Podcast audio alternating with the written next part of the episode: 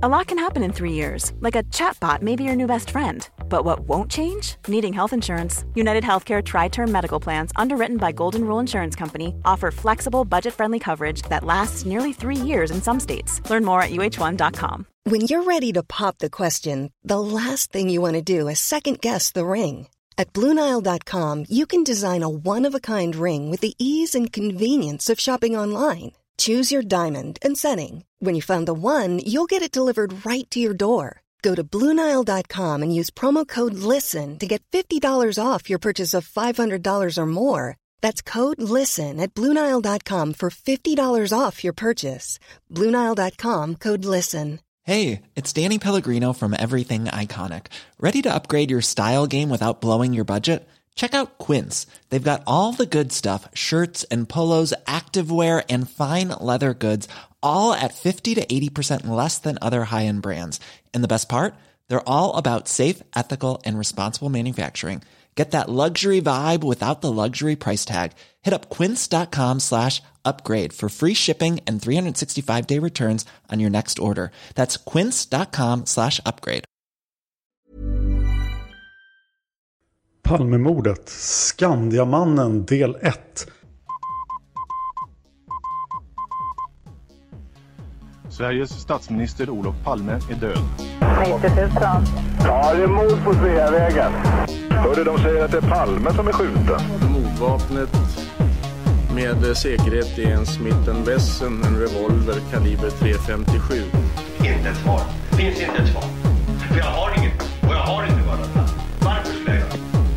Polisen söker en man i 35 till 40-årsåldern med mörkt hår och lång mörk rock. Vi har kommit fram till spåret misstänkta vittnen. Och det finns ett vittne som är mycket mer misstänkt än alla andra. Och det är Skandiamannen. Så han ska vi prata en hel del om. Vi har kommit hit till det här spåret på grund av att ni har sponsrat podden. Tack så jättemycket för det. Om du vill sponsra podden Palmemordet så görs det bäst på patreon.com palmemordet. Verkar det komplicerat så gör det på Swish eller Paypal. Skicka mig ett meddelande på facebook.com palmemordet. Så kan du få mina kontaktdetaljer. En fördel med att sponsra på Patreon är att jag har koll på vilka som är sponsorer och kan prata med er. För jag har nämligen tänkt att ge alla er som har sponsrat Palmemordet en belöning. Under en dag i oktober, exakt vilken dag kommer då meddelas via Patreon. Vilket innebär att om ni har sponsrat via Swish eller Paypal så måste ni messa mig på Facebook för att berätta er mailadress. Berätta också när ni sponsrade och hur mycket då så att ingen fuskar. I, i vilket fall, jag kommer hålla en livestream. Jag kommer nog publicera den på YouTube sen. Där, jag, där ni kan prata Palmemordet med mig live, ni kan berätta era teorier, ni kan ställa alla möjliga frågor till mig. Och för att få med om det här då och för att få reda på när det är då så måste ni vara en sponsor av den här podden. Som en liten belöning. Jag har också gjort en poll, en eh, internetenkät. Där ni kan få rösta på vem ni tror höll i vapnet. Jag tror det kan resultera i ett lite lättsammare avsnitt senare. Så vi ska hålla en omröstning under obestämd tid än. Och den här kan ni hitta på pollmaker.com, poll-maker.com och sök på Palmemord. Jag tror ni hittar den då, jag är inte säker. Jag postar en länk i notiserna till den här videon på YouTube-kanalen Palmemordet. Eller på det här avsnittet. Och det finns också kommentarerna till det här avsnittet. Om ni undrar vad pollen är så fråga mig på Facebook.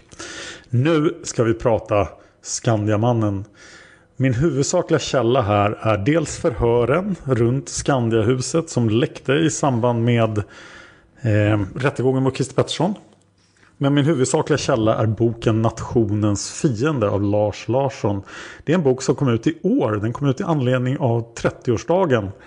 Och eh, Lars Larsson har skrivit en väldigt välskriven bok om Palmemordet. Just om ni är intresserade av vad ögonvittnena upplevde och vilka som säger vad och så här, så är det den bästa sammanställningen jag har sett faktiskt av just det. Men Lars Larssons bok går då ut på att Palme är nationens fiende och att Skandiamannen är gärningsmannen.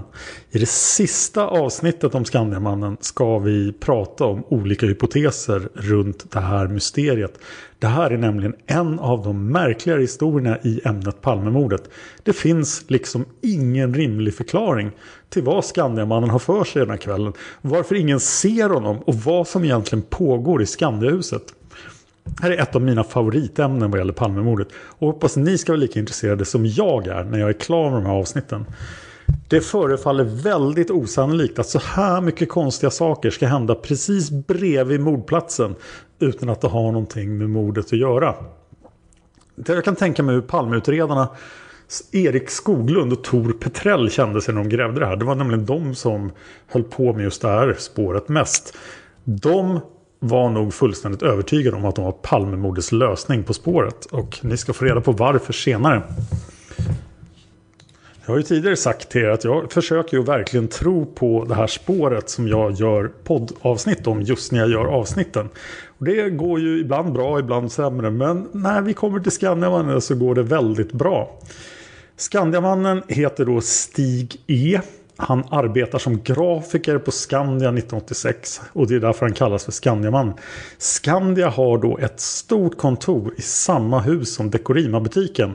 Stig arbetar alltså precis intill mordplatsen. Och jag tänker gå så djupt jag bara kan i ämnet Skandiamannen. Vi kommer att få en del avbrott i avsnitten om Skandiamannen på grund av att jag har en del intressanta gäster som ska prata andra ämnen. Vi kommer även att prata om andra misstänkta vittnen men de kommer efter Skandiamannen. Jag kommer i de här avsnitten att referera en hel del till ögonvittnen. Det finns ju ögonvittnen vi inte har tagit upp i den här podden. Jag vill inte börja med 40 ögonvittnesavsnitt. Så att vi har inte hunnit gå igenom alla ögonvittnen. Men det borde vi göra. För att nästan alla säger någonting som kan vara intressant. Så att jag har lagt till ett spår som heter ögonvittnen del 2 på Patreon. Där vi ska djupdyka i alla människor som såg gärningsmannen. Jag kommer ge en kort summering av ögonvittnena när jag pratar om dem då i spåret Skandiamannen. Jag kommer referera till Skandiamannen både som Stig E, Skandiamannen eller Stickan. Och nu tar jag mig friheten att läsa direkt ur Nationens fiende. Jag har haft kontakt med Lars Larsson innan och eh, han har varit väldigt hjälpsam. Eh, Stig hade sina rötter i östra Småland, närmare bestämt i Madesjö i Nybro kommun. Stigs far Frank William föddes 1902 och han träffade redan i folkskolan 1920 sin kommande fru. Skandiamannens mor Renata Ingrid Stina född 1903. Stigs pappa Frank skulle ta över pappa Fred, hans pappas glasbruk. Men det blev nedlagt innan Frank blev gammal nog att ta över. Så han fick se sig om efter annat. Han tog istället jobb som maskinspecialist på Ivar Krygers fabriker. Och ja, de gick inte så bra för sen. Renata tog körkort tidigt och köpte en liten svart Packard. I början av 20-talet blev Frank placerad i Indien. Renata stannade först hemma och följde inte med för 1927 när de gifte sig. De kom att stanna i Indien över 30 år. Renata födde där två söner.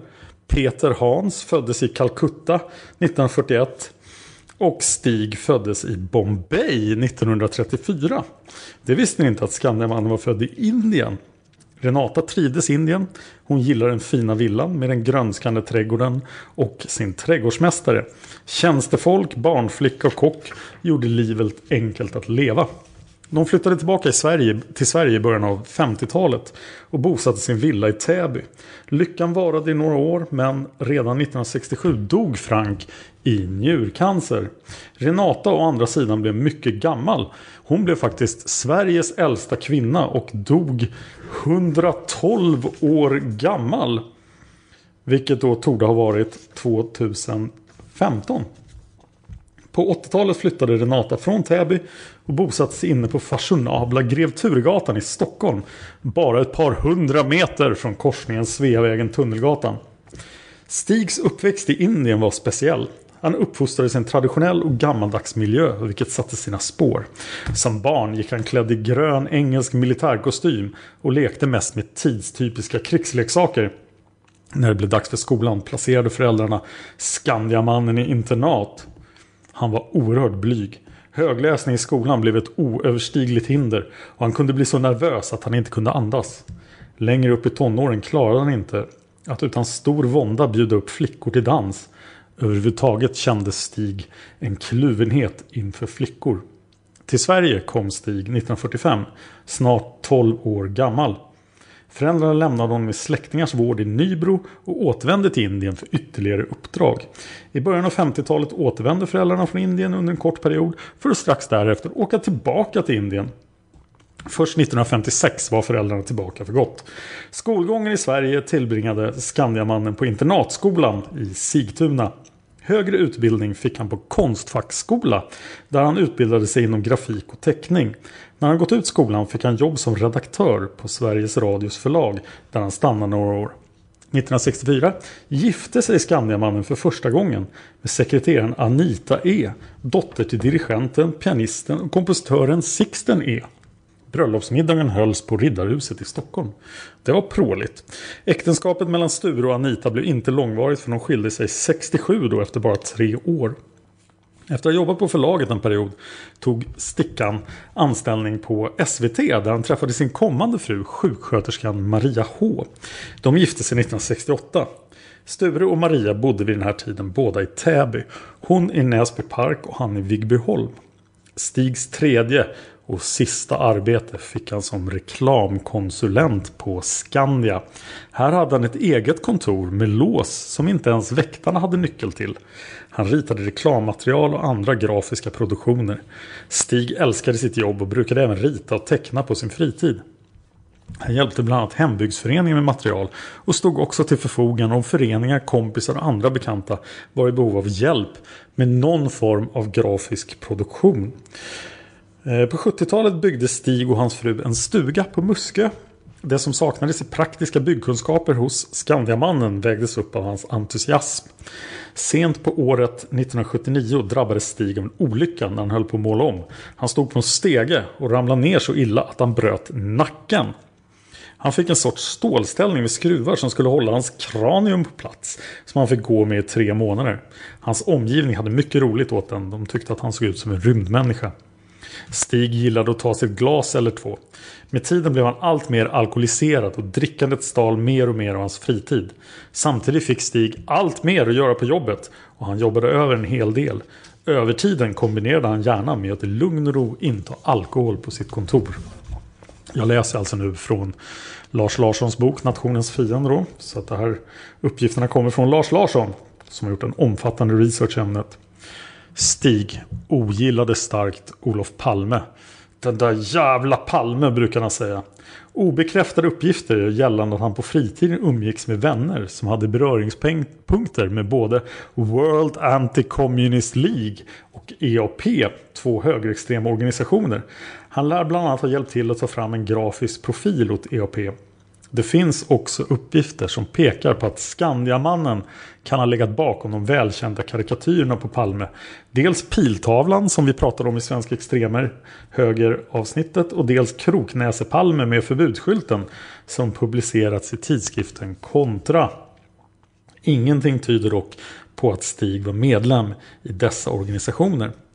Under början av 80-talet deltog Stig i en artikelserie i Svenska Dagbladet med temat manligt och kvinnligt. Artikelserien innehöll bland annat ett moment som gick ut på att läsarna på en talong i tidningen fick beskriva sina egenskaper enligt en tiogradig skala. De skulle därefter skicka in talongen till tidningen som sammanställde och bedömde personens manlighet respektive kvinnlighet. Det var bara de hundra första inskickade svaren som togs om hand och ett av dem kom från Skandiamannen. Han var så angelägen att vara med i urvalet att han redan samma dag som uppropet fanns i tidningen sprang hela vägen till brevlådan för att posta sitt svar. Och det gick bra för han kom med i urvalet och blev dessutom den av alla hundra deltagarna som uppvisade de mest androgyna egenskaperna. Det vill säga han var både man och kvinna till sättet. I denna artikelserie säger Stig bland annat att han är en uppriktig, självständig och självsäker man. Men att han ändå har en del känsliga sidor. Han är mottaglig för smicker, han har barnasinnet kvar, han är känslig för andras behov och rädd för att såra andra. Något som man menar går tillbaka till barndomen. Skandiamannen tvekar inte heller för att beskriva en del mindre smickrande sidor av sin personlighet. Han anser sig vara både tävlingsinriktad och ärlysten. Drag som han önskar vore mindre framträdande. Kanske med hänsyn tagen till artikelseriens ämne. Och hur han, då, hur han framstår då författarna framställer honom som Sveriges mest androgyne man. Och han ser det påkallat hävda att han inte ser sig själv som feminin. I alla fall inte om man tänker på det sexuella. Stig berättar vidare att han bar drag av envishet på gränsen till rättshaverist. Som ett exempel anger han att en gång drev en felaktig räkning hela vägen upp i vattenöverdomstolen. På de internatskolor Skandiamannen gick i lärde han sig stå på egna ben. Han kände sig ofta ensam och övergiven. Han tror själv att hans ovilja att göra andra ledsna ligger i rädslan att förlora sympatier eller kärlek. Kvinnor är jämlika i Skandiamannens världsbild. Han skulle själv inte kunna ta rollen att bestämma över någon kvinna. Stig var aldrig helt nöjd med sitt val av arbete. Som barn ville han bli fotograf och resa världen runt och ta bilder. Även kroppsligt var han något missnöjd med vad han var begåvad med. Fick han välja skulle han gärna vilja vara mer stark och atletisk. Som Christer A. GH kanske. I 40-årsåldern genomgick Skandiamannen en kris som tog sig uttryck att han ifrågasätter vad karriären hade gett honom och vad livet egentligen gick ut på. Kris gick sedermera över och han blev efterhand mer tillfreds med sitt liv. Även om han inte var nöjd med sin personlighet och egentligen ville ändra på den. Stig har av andra beskrivits som en komplicerad person. Han påstås ha haft dåligt självförtroende men samtidigt var han oerhört snäll och en utpräglad djurvän som inte ens kunde döda en fluga. Något våldsamt drag fanns inte hos Sture. Han tog hellre order än dela ut dem själv. På det mer jordnära planet hade han svårt att hålla ihop ekonomin. Han var godtrogen, närmast naiv och trodde att alla talade sanning. Vilket gjorde att han förlorade en hel del på alltför vidlyftiga affärer. I början av 1986 bokar Stig en resa till fjällen. Han och hans fru, Maria då, ska lördagen den 1 mars åka till Idre på en veckas skidsemester. På fredagen jobbar Skandiamannen över som vanligt men vill ändå komma hem i rimlig tid så att de ska hinna packa. Men nu blir det inte så. Först klockan kvart över elva på fredagskvällen bryter Stig till sist upp. Han har druckit en del på jobbet men han är inte märkbart berusad. Han tar på sig rock, keps, halsduk och sin handledsväska där han förvarar plånbok, näsduk och en del andra saker. Sen lämnar han några brev i internposten, tar trapporna ner, stämplar ut och passerar slutligen ut genom utgången på Sveavägen. Och exakt vad som händer när Stig kliver ut på Sveavägen, det är vad alla de här avsnitten ska handla om. Nästa dag, klockan 12.20 den 1 mars 1986, så ringer Stig in och eh, till Palmeutredningen och får tag på kommissar eller polisman Ali Lindholm. Och det här är anteckningen som Ali Lindholm gjorde. Det här är ett spaningsuppslag i grövre brottsmål då. Gällande iakttagelse av person. Och det här är Ali Lindholms anteckningar från det här samtalet. Då. Observera så att det är Stig själv som ringer in och säger det. Stig hade slutat arbetet för kvällen och hade just kommit ut på gatan när han hörde vad han först uppfattade som en avgassmäll. Han såg dock snart att någon låg på marken och även att det var folk omkring den. När han passerade gränden vid Tunnelgatan tittade han dit in.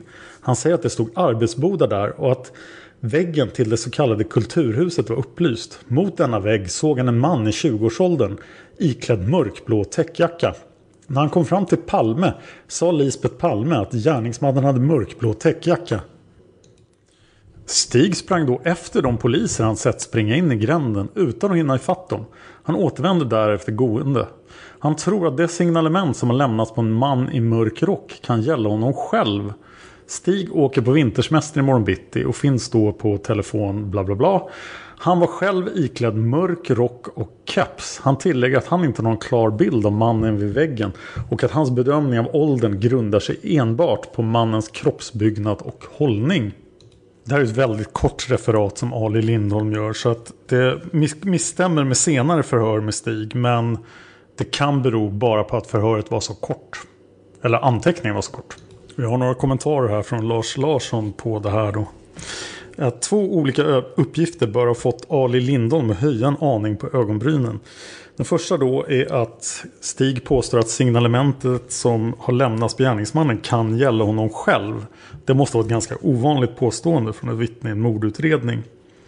Den andra uppgiften är att Stig sprang in i gränden i sin jakt på polisen. Och att han har sett den här personen i gränden. Och personen i gränden i 20-årsåldern i täckjacka är ju då Lars J. Som ju vi har ägnat ett avsnitt åt. Man kan anta att polisen tyckte att det var ett ganska intressant tips. Här har vi någon som varit i närheten av gärningsplatsen och kommit dit precis efter mordet. Vi kan redan här kommentera att då Stig säger att han sprang efter poliserna. Det är otroligt märkligt. För att det finns minst tre, kanske fyra poliser kvar på mordplatsen. Gösta Söderström är den polis som kommer dit först. Han är högsta yttre befäl i Stockholm city den natten. Han och hans chaufför Ingvar W är där. Dessutom fanns befälet i piketen kvar på platsen. Polisinspektör Kjell Ö. Även Claes G, en av poliserna i piketen, fanns kvar en stund vid Olof Palme innan han också begav sig efter mördaren. Det finns alltså tre eller fyra poliser i platsen. Alla de har radio. Poliserna som sprang iväg har radio. De har tänkt att kommunicera radio. Så fort Gösta Söderström hör någonting som kan vara av intresse för de här springande poliserna som alltså försöker fånga mördaren så meddelar han det via radio till dem och det händer ju faktiskt. Det står dessutom två polisbilar med blåljus och radiosprakande och poliserna står och skriker till varandra. Varför pratar inte Stig med dem istället för att springa efter i gränden? Efter att ha ringt in och anmält eh, det här så åker Stig på semester följande dag. Och det finns uppgifter om att han åker till Åland men eh, de verkar inte stämma. Så att han, förmodligen åker han mycket riktigt på den här skidsemestern till Idre med sin fru. Det andra förhöret med Stig E hålls av Håkan Ström via telefon den 10 mars klockan 9.52. Då har Stig kommit tillbaka från sin semester och det här är också ett referatförhör, det vill säga det är ingen dialog utan det här är vad Håkan Ström skrev ner efter att ha pratat med Stig, eller under samtalet då. Eh, i grövre brottsmål och så vidare. Uppföljning av tips E63. Fredagen den 28 februari 1986 klockan 23.19 stämplade Stig ut från sin arbetsplats på Skandia, Sveavägen 44. Kom ihåg att mordet sker 23.21. Vid senare kontroll med Fröken Ur har det konstaterats att stämpeluret gick en minut för sakta. Rätt tid ska således vara 23.20. När Stig lämnade Skandia var han klädd enligt följande. Svart vinterrock, vilket når strax nedanför knäna. Rocken var knäppt. Mörkgrå melerade mörkgrå melerad keps utan öronlappar eller knäppe på skärmen. Mellangrå byxor. Stig bar en handledsväska, vilket var mörkbrun till färgen. Stålbågade glasögon med stålkant upp till och endast glas ner till. Glenn Miller-liknande glasögon. Stig är 52 år gammal, 182 cm lång, väger drygt 80 kg samt har sandré hårfärg. Stig lämnade Skandiahuset, vilket ligger mellan Tunnelgatan och Adolf Fredrik kyrkogata på Sveavägens östra sida. Han gick i riktning mot Tunnelgatan. Stig gick med raska steg, nästan halvspringande, eftersom han hade bråttom till tunnelbanan. När Stig var cirka 20 meter från korsningen vid Tunnelgatan hör han en smäll. Han reagerar inte särskilt för detta utan tolkar det som en smällare eller avgasknall. Ljudet tolkar han såsom kommande framifrån. Stig brydde sig dock ej om att söka lokalisera varifrån ljudet kom. How would you like to look five years younger? In a clinical study, people that had volume added with Juvederm Voluma XC in the cheeks perceived themselves as looking five years younger at six months after treatment. Look younger, feel like you. Add volume for lift and contour in the cheeks with Juvederm Voluma XC. Reverse signs of aging by adding volume to smooth laugh lines with Juvederm Volure XC. For important safety information and to find a licensed specialist, visit juvederm.com. That's J U V E D E R M.com. Not for people with severe allergic reactions, allergies to lidocaine, or the proteins used in Juvederm. Common side effects include injection site redness, swelling, pain, tenderness, firmness, lumps, bumps, bruising, discoloration, or itching. There's a risk of unintentional injection into a blood vessel, which can cause vision abnormalities, blindness, stroke, temporary scabs, or scarring. Talk to a licensed specialist to find out if it's right for you. How would you like to look five years younger? In a clinical study, people that had volume added with Juvederm Voluma XC in the cheeks perceived themselves as looking five years younger at six months after treatment. Look younger, feel like you. Add volume for lift and contour in the cheeks with Juvederm Voluma XC. Reverse signs of aging by adding volume to smooth laugh lines with Juvederm Volure XC. For important safety information and to find a licensed specialist, visit juvederm.com. That's J U V E D E R M.com. Not for people with severe allergic reactions, allergies to lidocaine, or the proteins used in Juvederm. Common side effects include injection site redness, swelling, pain, tenderness, firmness, lumps, bumps, bruising, discoloration, or itching. There's a risk of unintentional injection into a blood vessel, which can cause vision abnormalities, blindness, stroke, temporary scabs, or scarring. Talk to a licensed specialist to find out if it's right for you.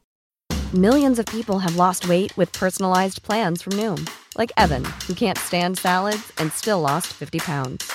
Salads, generally, for most people, are the easy button, right? For me, that wasn't an option. I never really was a salad guy. That's just not who I am. But Noom worked for me. Get your personalized plan today at Noom.com. Real Noom user compensated to provide their story. In four weeks, the typical Noom user can expect to lose one to two pounds per week. Individual results may vary.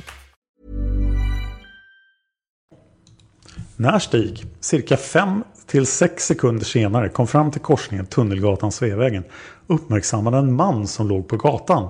Stig tänkte först att det var någon ur A-laget. På huk bredvid mannen var en äldre kvinna, vilket senare visade sig vara Lisbeth Palme. Vidare en ung kvinna och en ung man. Olof Palme låg på gatan med huvudet i riktning mot Kungsgatan. Det gick inte att känna igen honom. Munnen var full med blod. Ur näsan rann det kraftigt med blod. Palme vändes till framstupa sidoläge. Stig började samtala med Lisbeth Palme. Hon var upphetsad men stundtals samlad. Hon ropade efter ambulans ett par gånger i minuten. Sen Palme vänt sig framstupa sidoläge frågar Stig åt vilket håll sprang mannen? Stig trodde att personen på gatan hade skjutits genom munnen. Han sammankopplade nu smällen han hört med mannen på gatan. Som svar på Stigs fråga pekade Lisbeth Palme i riktning mot tunneln i Tunnelgatan. Stig frågade vidare hur var han klädd? Mörkblå täckjacka svarade Lisbeth Palme. Stig tittade i den riktning Lisbeth Palme pekat. På Tunnelgatan håller man på att bygga om ett hus. Där står byggnadsbaracker i tredubbel höjd staplade. Belysningen är dålig. Det enda ljus som lyser är på ett kulturhus Lundmakargatan 14. Vid detta kulturhus står en man som Stig endast kan uppfatta i siluett. Mannen står blickstilla. I konturen ser det ut som att mannen har täckjacka. Åldersmässigt är en ung man cirka 20-25 år gammal. Stig släpper mannen med blicken för en stund. När han sen tittar åt mannens håll är denne borta. Stig ser aldrig någon man springa bort efter Tunnelgatan från mordplatsen. Ej heller ser han någon som skulle springa efter en flyende. Stig beräknar han titta in mot Tunnelgatan 15-20 sekunder efter det att han har hört skottet. Efter 3-4 minuter anländer den första polisbilen. Nästan omedelbart kom en piketpolisbil med ett antal poliser och efter det. Poliserna kom springande och ropade åt vilket håll? Och Stig pekade då i en riktning som Lisbeth hade visat honom. När polisen har hunnit en bit bort kommer Stig på att han borde ha nämnt någonting om den blå täckjackan. Stig börjar springa efter polismännen för att åtminstone hinna ifatt någon av dem och berätta om täckjackan. När Stig kommer till korsningen Tunnelgatan-Luntmakargatan har polismännen sprungit så fort att Stig inte ser någon av dem. Stig fortsatte inte längre än till denna korsning. Han återvände därefter till Sveavägen. När Stig kommer ner på Sveavägen står en person och beskriver klädseln på den förmodade gärningsmannen för en polisman. Stig hör att det är hans klädsel som beskrivs. Stig hör hans keps och stålbågade glasögon och rock omtalas.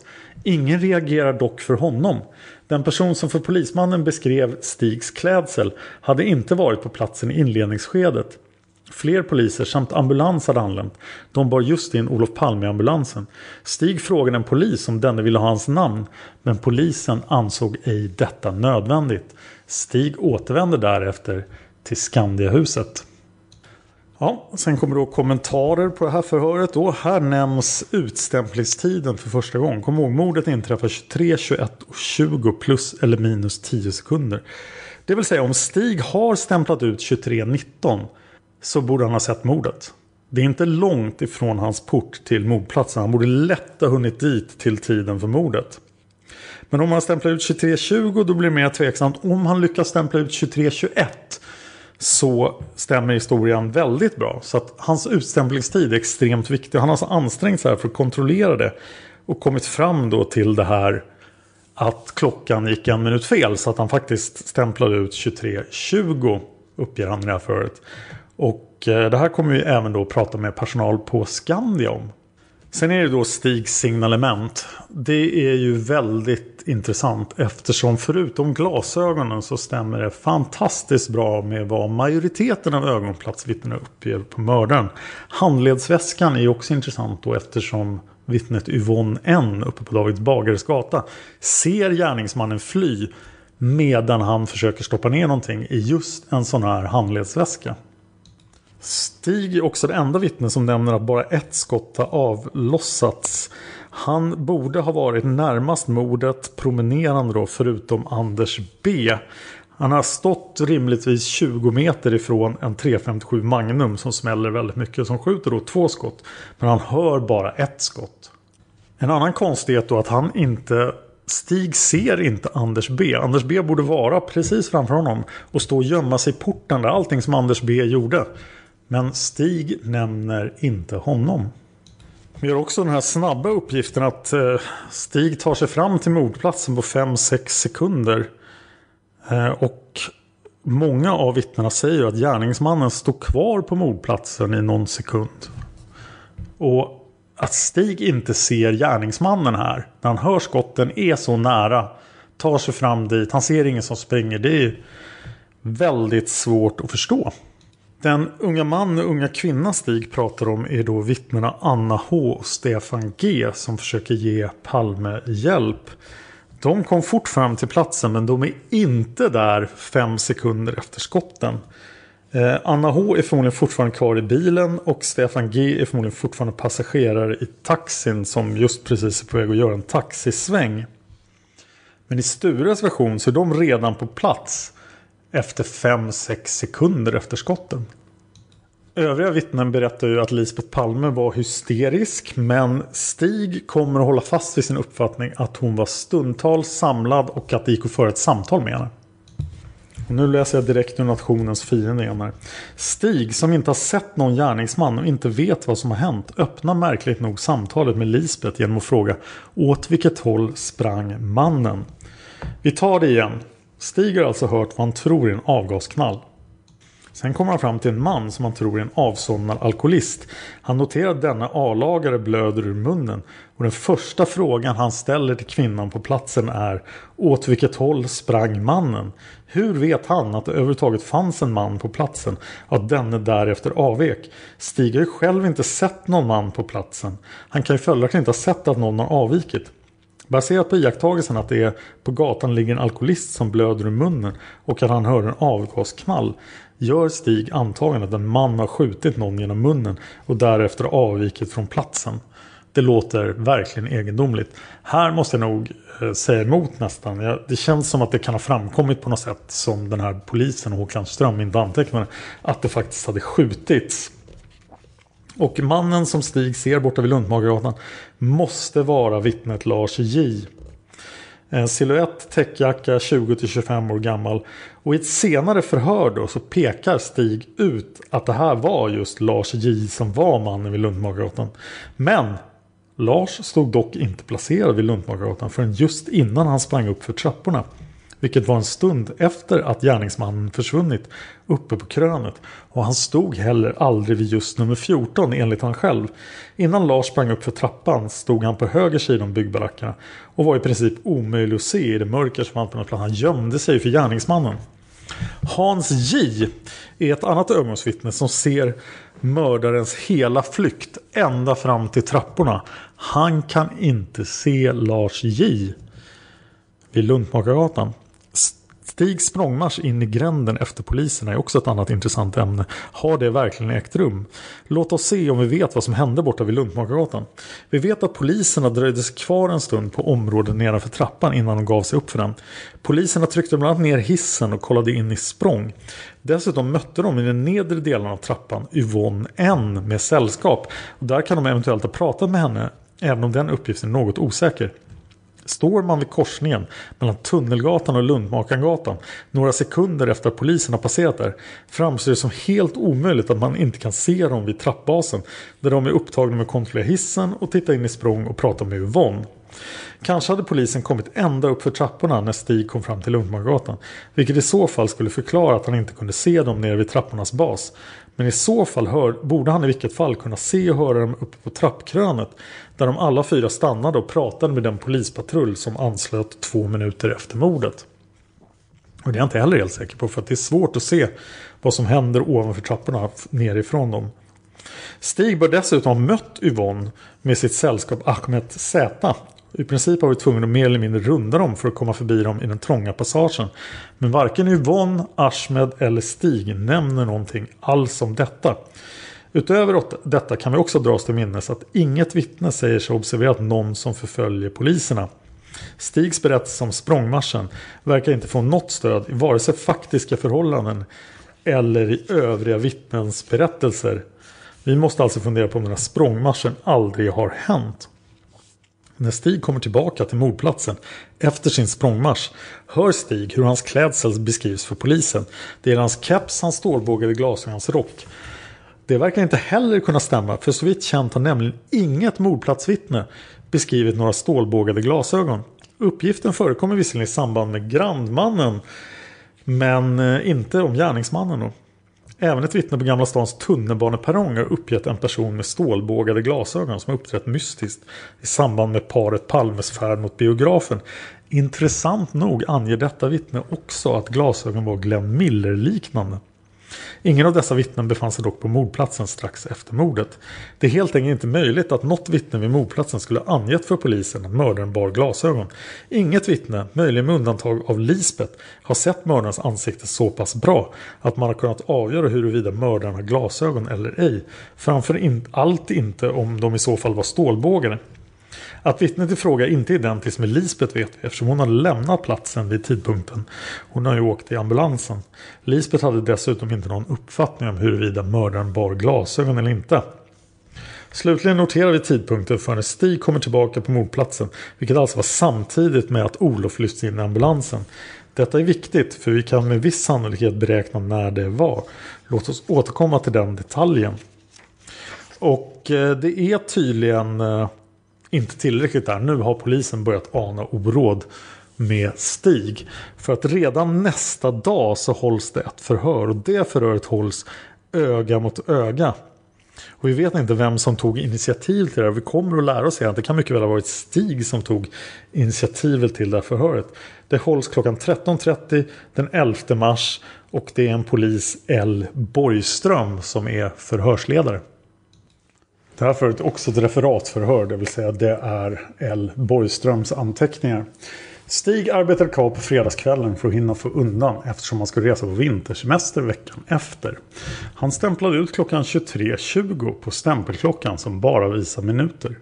Stig var på väg nästan småspringande mot tunnelbanenedgången vid Kungsgatan eftersom den närmaste nedgången stänger redan klockan 19.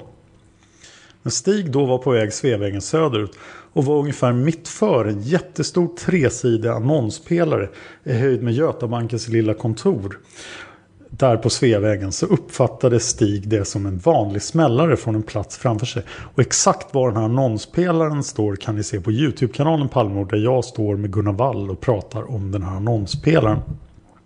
Stig uppskattar då att han befann sig ungefär 20 meter ifrån platsen där smällaren hördes vid hörnet Tunnelgatan Sveavägen. Eftersom Stig var på väg att ta sista T-banan hem och hade bråttom så höll han i skottögonblicket på att försöka se vad klockan var, vilket var svårt eftersom han har svart urtavla. Han gjorde ingen särskild notis om smällen på grund av att han höll på med klockan. Han såg inte upp förrän han hunnit fram till korsningen. Han tror att de cirka 20 metrarna tog 5-6 sekunder för honom. Där såg en person liggande på rygg med fötterna åt Stigs håll och huvudet mot det hållet där lilla T-baningången till Hötorget är belägen. Stigs första tanke var att den liggande personen var en sån som man brukar kunna se liggande efter spritförtäring. Men så såg han blod som började rinna ut med trottoaren. Och hans nästa tanke var att ett par knarkligor höll på att utrota varandra. Det gick inte att se vem den liggande personen var. Det var två unga flickor först framme och Stig stannade upp och såg en dam på knä och liksom vädjade både med blick och ropade på ambulans. Då beslutade Stig sig för att ta nattbussen istället för T-banan och började hjälpa till. Stig är dels gift med en sjuksköterska och dels utbildad i viss mån i första hjälpen i kurser som Röda Korset har givit. Stig tänkte mycket på andningsvägen och att inte förvärra en skada genom att göra för mycket. Hela munnen var alldeles full med blod så att man inte kunde se tänderna och det kom ganska kraftigt blodflöde ur näsan. Varför sidoläge föreföll vara det enda som Stig kunde tänka sig i form av hjälp som han själv vågade ge sig på. Inom uppskattningsvis tre minuter kom först en vit polisbil och strax därefter en piketbil med ett antal poliser som sprang ut och ropade åt vilket håll? Stig gav tecken och sa bort mot tunneln vilket han dessförinnan hört av damen som sedan visade sig vara Lisbeth Palme. Däråt sa Stig och en hel del polismän försvann åt det hållet. I bortre änden utav Tunnelgatan finns byggnadsbaracker eftersom man håller på att bygga om ett hus runt hörnet på Luntmakargatan. Där är lampan borttagen så det är mycket mörkt där. Lampan har tydligen tagits bort med anledning av att barackerna ska få plats. När Stig sa däråt och poliserna sprang iväg så började Stig själv spränga efter poliserna för att tala om att det gällde en person med mörkblå täckjacka enligt Lisbeth Palmes utsago. När Stig kom bort i mörkret vid barackerna hade polismännen hunnit så långt att han såg ingen av dem alls. Stig sprang så fort han kunde för att hinna upp poliserna. När Stig därefter kom tillbaka till platsen för händelsen stod en person och lämnade uppgifter till en polis. Stig väntade på sin tur för att tala och hörde att uppgiftslämnaren lämnade signamentet på Stig som hade keps, mörk rock, stålbågade glasögon och handlovs, handlovsväska. Stig talade därefter om detta för polismannen. Stig har inte sett någon gärningsman med anledning av den inställning han hade enligt ovan beskrivet. Det första han såg var en person liggande på rygg och en dam som ligger på knä med ryggen mot Sveavägen. Han tänkte inte på någon person på väg att avvika därifrån. Därefter såg han en vit taxibil med en person som stod kvar vid bilen. När Stig befann sig framme på platsen uppskattade det som 20 sekunder efter skotten fick höra en flyktväg Tunnelgatan bort så såg han längre bort vid den mörka platsen vid barackerna konturen av det som han uppfattade som en yngre man med relativt smala byxor och något möjligen typ bulsig täckjacka, barhuvad då i 20-årsåldern. Han stod still 4, 5, 6 sekunder, väldigt blickstilla en bra stund och var borta när Stig hade tittat ner ett ögonblick. Den här mannen stod på Luntmakargatan uppskattningsvis enligt Stig kanske 50 meter som är kortsidan av huset. Eh, Stig tycker det är för lång tid efter smällen som mannen stod där om han skulle vara gärningsmannen och någon tagit upp förföljandet. När Stig återkommer till platsen efter sin utflykt efter polismännen så hade ambulansen anlänt. Det bör då enligt Stig gått åtminstone Sen går det inte att läsa hur många minuter. Det ser ut som en fyra och en åtta samtidigt. Stig var inte längre än till korsningen Luntmakargatan Tunnelgatan där han stod och tittade åt olika håll. Vid Stigs återkomst till platsen stod det cirka tio personer på platsen. Den enda av dessa som Stig erinrar sig utseende på är en person typ Tompa-Jan som stod och sa Är det Palme? Är det Palme? Den personen lät inte särskilt nykter. I övrigt 55 till 60 år och ett brett tvärt skägg. På fråga om Stig såg någon person mellan sig och platsen för skotten så svarar han nej och att det förmodligen berodde på att han tittade på sin klocka. Och då kommer då Lars Larssons kommentarer på förhör nummer tre. Då. Historien om klockan som har gått fel är borta. Han kanske har berättat samma sak men förhörsledaren har inte tecknat ner den. Men han hävdar att han kom ut 23.20. Vi ser nu för första gången att han faktiskt småspränger till tunnelbanegången. Det har betydelse för den framtida tolkningen av Stigs beteende på mordplatsen och är något som vi kanske kommer att titta närmare på. Nu vet vi för första gången den exakta platsen där Stig befinner sig när skotten avlossas. Ungefär mitt för en jättestor tresidig annonspelare höjd med Götamagges lilla kontor. Bara 2-3 meter från den här annonspelaren har vittnet Inge M gjort iakttagelser av en person. Det pratade vi om faktiskt i podden. som rör sig på ett likartat sätt som Stig. Det är dock med en avgörande skillnad. För Inge än ser gärningsmannen på denna plats innan mordet. Och eh, Stig befinner sig alltså här under den tiden som mordet begås. Att Stig inte hör eller ser någonting av händelserna framför sig kanske inte är otänkbart men det är åtminstone svårbegripligt. Så här är alltså situationen. Stig småspringer, 20 meter framför honom avfyras två skott i snabb följd med en 357 Magnum. Jag hoppas kunna göra en video på YouTube där jag filmar en 357 Magnum som skjuts. Och det låter alltså jätte, jättehögt. Vilket väldigt få vittnen säger. Elisabeth skriker så pass högt att Lars J 50 meter in i gränden kan höra vad hon skriker. Folk på andra sidan gatan knappt 100 meter bort reagerar. Prova själv med att ställa dig 20 meter bort från ett par personer. Det är riktigt nära. Det finns ingenting mellan er. Tänk då att någon skulle smälla av två skott med en 357 Magnum. Med rejäla eldsflammor. Tänk också att en kvinna skriker rakt ut i ångest. Skulle du reagera? Vem som helst skulle nått ett sånt läge åtminstone lyfta blicken. Men inte Skandiamannen. Han fortsätter titta på klockan ända tills han i praktiken snubblar över paret.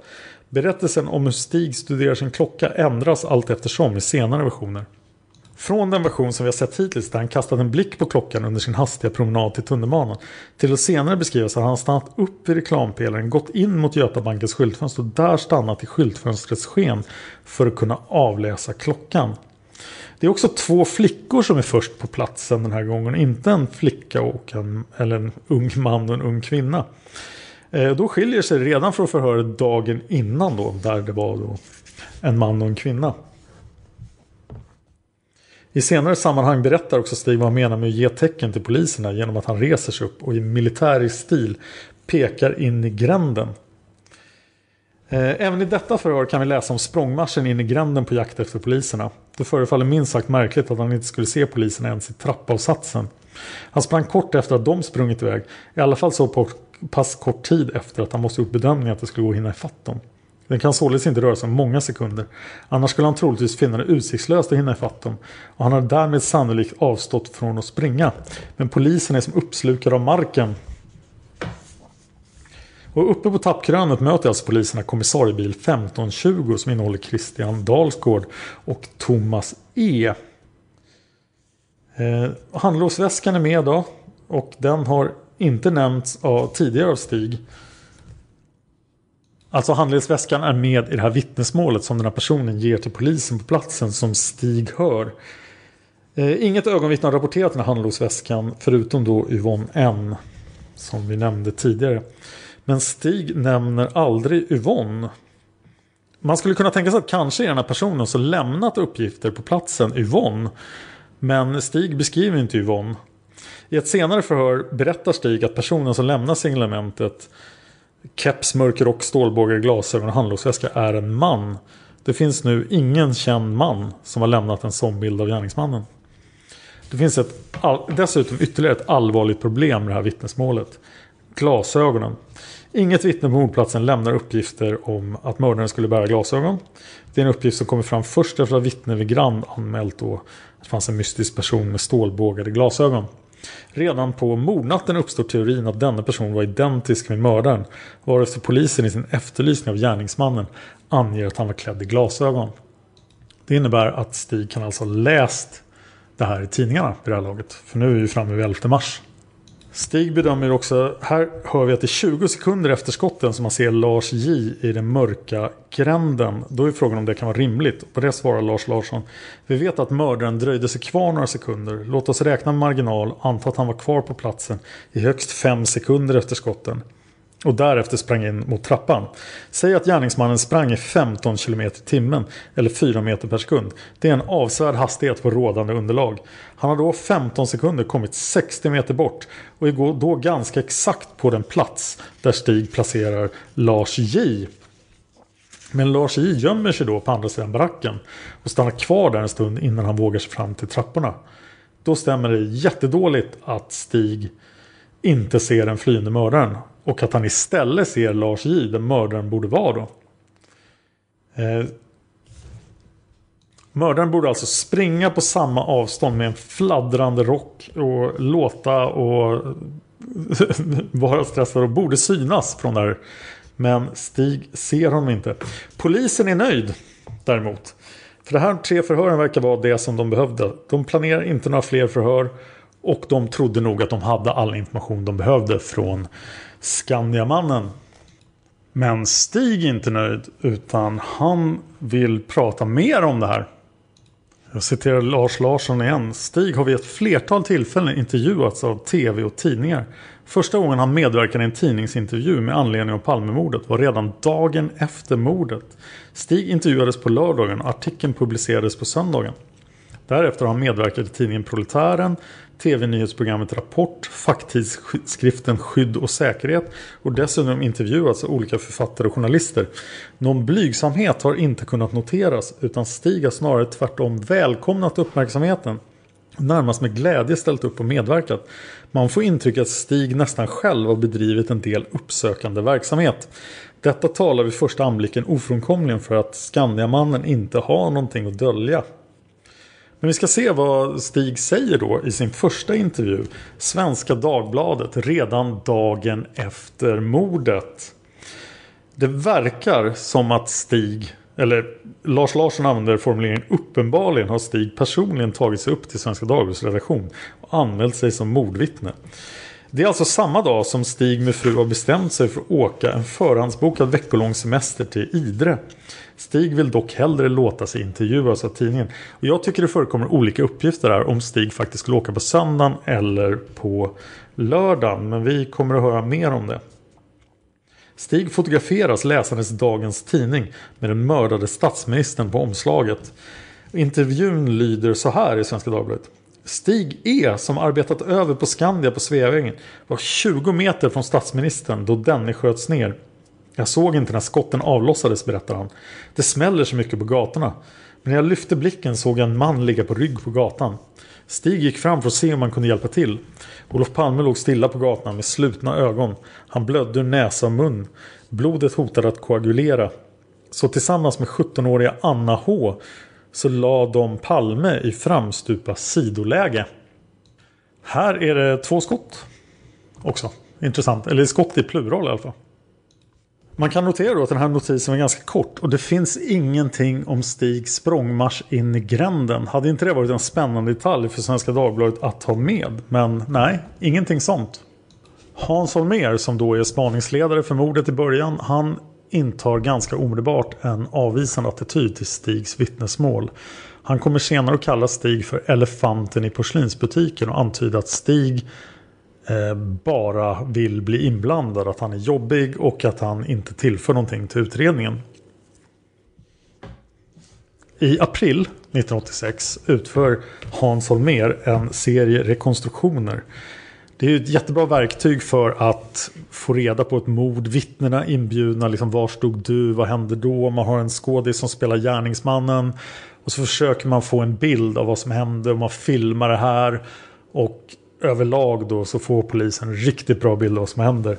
Men de bjuder alltså inte alls in Stig. För ett så dåligt vittne är Stig. Trots att han alltså har tagit i Palme, han har varit där, han har sett massor men han får inte ens komma på de rekonstruktionerna. Eh, en annan person som inte är på rekonstruktionerna är ju Lisbeth Palme. Hon vill inte medverka i dem och vi ska inte spekulera om varför här. Men det var ju förstås en väldigt stor miss. Eh, och Stigs reaktion på att han inte får med i rekonstruktionerna är att han går till Sveriges Television och tar kontakt med reporter och berättar sin historia igen och säger att så här, jag får inte vara med på en rekonstruktion men ni kan göra en rekonstruktion med mig. Och SVT tycker att det är en jättebra idé. Och inslaget sänds på kvällen efter rekonstruktionen och det blev någonting av ett skop. Det blir väldigt uppmärksammat. Och jag har nu haft förtroende att se det här inslaget. Men det här är Lars Larssons skildring av inslaget då. I inslaget ser vi hur Stig kommer ut från Skandias entré och promenerar närmast småspringer trottoaren fram söderut på Sveavägen. Först nära huset, sen närmare ut mot vägen. Stig, eh, Stig är iklädd sin långa svarta rock och keps som han också bar på mordnatten. Han har sina glasögon och en brunblå halsduk. Men någon handledsväska syns inte till. På fötterna har han vanliga lågskor. Under rocken kan man ana en vit skjorta med slips och en kavaj. Byxorna är mörka och verkar vara en aning kortare än vad som då skulle anses vara normalt enligt modet 1986. Kepsen är neddragen i nacken så till den grad att den förlorar sin normala flata form och det bildas en liten kulle format efter huvudet. Och då vill jag att ni tänker på de många olika uppgifterna om gärningsmannens huvudbonad som just skulle kunna orsakas som keps. Här är då reportern som berättar i inslaget. Skandia ligger på Sveavägen 50 meter från den plats där Olof Palme mördades. 20 över 11 den 28 februari lämnade Stig sin arbetsplats på Skandia för att hinna med den sista tunnelbanan hem. Han hade bråttom. I höjd med annonspelaren kollade han sin klocka för att se om han skulle hinna med tunnelbanan. Samtidigt hörde han två smällar. I inslaget ser vi hur Sture går gatan fram och strax innan pelaren tittar intresserat på sin klocka. Sture filmas nu bakifrån. Reporten berättar vidare. Fem sekunder senare var Stig framme vid den skjutne mannen på gatan. Ingen av de tillskyndade såg att det var Olof Palme som låg där. Stig hjälpte till med upplivningsförsök och när polisen så småningom kom till platsen pekade han åt det håll där han fått höra att mördaren försvunnit. Men han glömde att tala om att han också hade hört att den flyende mannen hade en blå täckjacka. Han sprang därför efter polisen för att meddela detta. Och nu då i inslaget så springer Stig i högsta fart in i gränden. Och det här var det som chockade mig mest när jag såg inslaget. För Stig springer jättefort. Och det här är i april då, det är inte snask och så vidare. Men han ser fantastiskt atletisk ut. Det ser inte ut som en 52-årig man som kutar där. Eh, Lars Larsson beskriver det som följer. Stig springer fort och ser sig inte om bakåt utan rusar ett enda svep gatan fram. Först fem steg med lägre hastighet, sen ökar hastigheten och resten av sträckan springer han med ungefär samma höga hastighet. Han springer till vänster om baracken och fortsätter sedan fram till Luntmakargatan där han till sist försvinner ur kameravinkeln. Hela löpningen filmas av Sveriges Televisions kameramän och tar fram till Luntmakargatan ungefär 10 sekunder. Trots att den är knäppt så slänger och sveper kappan runt hans rock när han springer. Stilen är framåtlutad och armarna svänger inte rakt fram och tillbaka längs sidorna utan snarare huvudsak framför kroppen. Undersidan av skorna skymtar i steget och de är ljusa. Reporten fortsätter. Men han misslyckats att få tag på polisen som återvänder till mordplatsen. Där fick han till sin och, och återvänder till mordplatsen. Där fick han till sin förvåning höra hur ett annat vittne till en polis ger ett signalement på mördaren som stämmer överens med Stig själv. Vittnet hade kanske sett Stig springa från platsen och tagit honom för mördaren. Stig försökte påpeka, påpeka förväxlingen för polismannen på platsen men han blir avvisad. Polismannen är inte intresserad. Och nu växlar bilden tillbaka till Stig. Han är tillbaka på mordplatsen utanför Dekorima. Han verkar andfådd. Han har tagit av sig kepsen. Och han tittar omväxlande på reporten och ner mot Luntmakargatan. Hans rock syns nu ty tydligt. Den är av tjock kvalitet och luden. Och så i inslaget då så säger Sture Nej, då visste ingen av oss att det var Olof Palme det gällde så intresset hade inte hunnit skruvas upp. Så att de var mer nöjda med det vittne som de redan hade tagit. Då säger reportern Polisen var inte intresserad av dig. Är det det du säger? Nej, nej. Men trots att du ville påpeka att det var du själv som hade blivit beskriven som mördaren alldeles nyss. Ja, men det var ointressant. Det var ett ointresse hela tiden ända fram till att ambulansen strax efteråt kom och man fick veta vem personen var. Sen kommer det även scener från Stigs tjänsterum där han sitter vid tidningen eh, vid sitt skrivbord och läser tidningen från den 2 mars. Det är alltså SvD-intervjun med honom som han läser. Senare i inslaget då så säger reporten Igår och idag genomförde polisen flera rekonstruktioner för mordet på Olof Palme. Hela kvarter spärrades av. Ett tiotal vittnen från mordkvällen kallades in. Men Stig, som var en av de absolut första på mordplatsen, han hade inte tillkallats. Själv tror han att han kunnat hjälpa polisen med ytterligare detaljer. Han är utbildad reklamman och har ett mycket bra bildsinne. Idag känner han sig förbigången och besviken. Och då säger Stig, ja, när man säger att man håller på att lägga pussel och man ska försöka att få bort bitar som inte hör till pusslet. Ska man i varje fall inte ta bort bitar som man vet hör till pusslet. Så att de väl kanske är kanske inte så duktiga på att lägga pussel kanske på polisen i så fall. Och efter att det här inslaget hade setts på kvällen så blev det tittarstorm. Folk ringde in till kvällstidningarna och eh, till tv och undrade vad polisen sysslar med. Expressen publicerar två artiklar över en helsida om det här misstaget med förväxlingen om signalementet på gärningsmannen. Det är ett foto på Stig E när han står på Luntmakargatan och pekar bort mot trapporna. Fotot tar upp en kvarts sida och det visar Stig i helfigur. Han har samma kläder som reportaget. Fotot är uppenbarligen taget på kvällen samma dag som inslaget spelades in och sändes. I handen har han sin handledsväska. Och han berättar historien igen. Han arbetar över, stämplar ut 23.20 och kom ut på gatan. När han tittar på klockan small det. Jag trodde det var en smällare. Efter 20 meter kommer han fram. I artikeln framgår det att det skedde samtidigt med Anna H och Stefan G. Han tittar upp och ser en person i byggbarackerna. Jag trodde det var mördaren berättar han. Men senare har jag förstått att det var vittnet Lars som, sen, som senare sprang efter mördaren. Och Stig fortsätter att berätta vad som hände. Polisen kom, Stig visade vägen med hela handen och skrek han sprang däråt. Efter ett tag kommer han på att han glömde säga att Lisbeth hade sagt att mördaren hade en mörkblå täckjacka så han springer efter dem. Vid Luntmakargatan vänder han. Väl framme vid platsen ser han en yngling ge polisen Stures signalement. Stig signalement menar jag. Dagen efter ringer han polisen. Sen hände inget mer förrän efter en vecka, berättar Stig. Då ringde kriminalpolisen fem gånger och ställde frågor. Sista gången sa polisen, det är så svårt att få ut någonting av noteringarna. Eh, som de som talat med dig tidigare gjort. Skulle vi inte kunna ta det från början? Jag tycker polisen uppför sig som glada amatörer i den här allvarliga utredningen, säger Stig. Som ännu inte kallats till någon rekonstruktion av mordet. Och det hände aldrig. Eh, vi kan notera då, här nämner då Stig att han har förhörts fem gånger på telefon. Och det är mycket, mycket möjligt att det finns fler förhör med Stig som inte har släppts. Då. Den andra artikeln i Expressen då, dagen efter den här tv-reportaget med Skandiamannen så den andra artikeln fokuserar på polisens insats och Hans Holmers talesman Leif Hallberg blir intervjuad. Expressen frågar varför tog inte polisen upp Stigs vittnesmål på mordplatsen? Där blir han ju avvisad. Eh, Leif Hallberg säger jag försökte få Rapport att korrigera sin information under sändningens gång för den var vilseledande, klart missvisande. Expressen frågar ljuger Stig? Eh, Leif Hallberg svarar jag har inte läst hans vittnesmål så jag vill inte svara på den frågan överhuvudtaget. Jag utgår från att han inte gör det. Men vad var det då som var vilseledande? Och Leif Hallberg svarar de talade om att han var bortglömd av polisen. Den här mannen är hörd minst två gånger. Och då tycker jag inte man kan säga att han är bortglömd av polisen. Vi vet vem han är. Vi vet vad han har haft att berätta. Och om vi anser att vi behöver prata med honom fler gånger kommer vi naturligtvis inte att tveka att göra det. Expressen säger vidare. En annan märklig fråga är att det tydligen gått ut fel signalement på gärningsmannen. Signalementet som kom ut stämde väl ganska väl på Stig. Det har inte gått ut fel signalement. Då säger Expressen, det signalement som gått ut på gärningsmannen stämmer alltså. Då säger Leif Hallberg, det signalement som gått ut stämmer fortfarande under samma förutsättningar som när vi skickade ut det. Expressen säger, betyder att gärningsmannen och Stig har samma kläder, är av samma längd och så vidare. Och Leif Hallberg svarar, det kan inte jag svara på. Jag har inte sån kännedom om detaljerna där att jag kan uttala mig om det. Men någonting i det här tv-reportaget och de här två artiklarna får polisen att uppmärksamma det hela igen. Och nu drar saker och ting igång.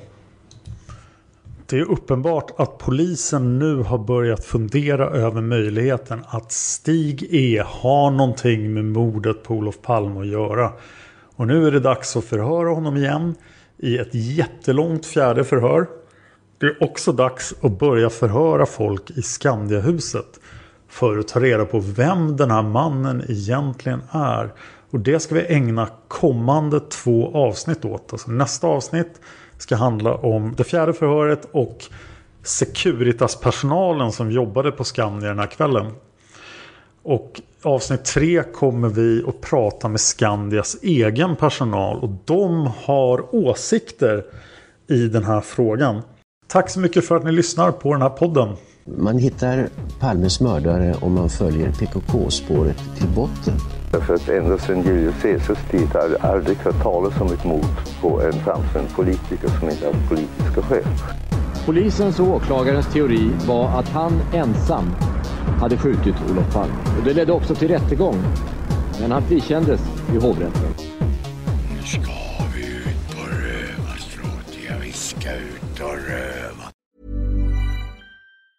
Planning for your next trip? Elevate your travel style with Quince. Quince has all the jet-setting essentials you'll want for your next getaway, like European linen, premium luggage options, buttery soft Italian leather bags, and so much more. And it's all priced at 50 to 80% less than similar brands. Plus, Quince only works with factories that use safe and ethical manufacturing practices. Pack your bags with high-quality essentials you'll be wearing for vacations to come with Quince. Go to quince.com slash trip for free shipping and 365-day returns.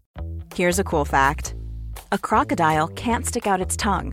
Another cool fact you can get short term health insurance for a month or just under a year in some states. United Healthcare short term insurance plans are designed for people who are between jobs, coming off their parents' plan, or turning a side hustle into a full time gig. Underwritten by Golden Rule Insurance Company, they offer flexible, budget friendly coverage with access to a nationwide network of doctors and hospitals.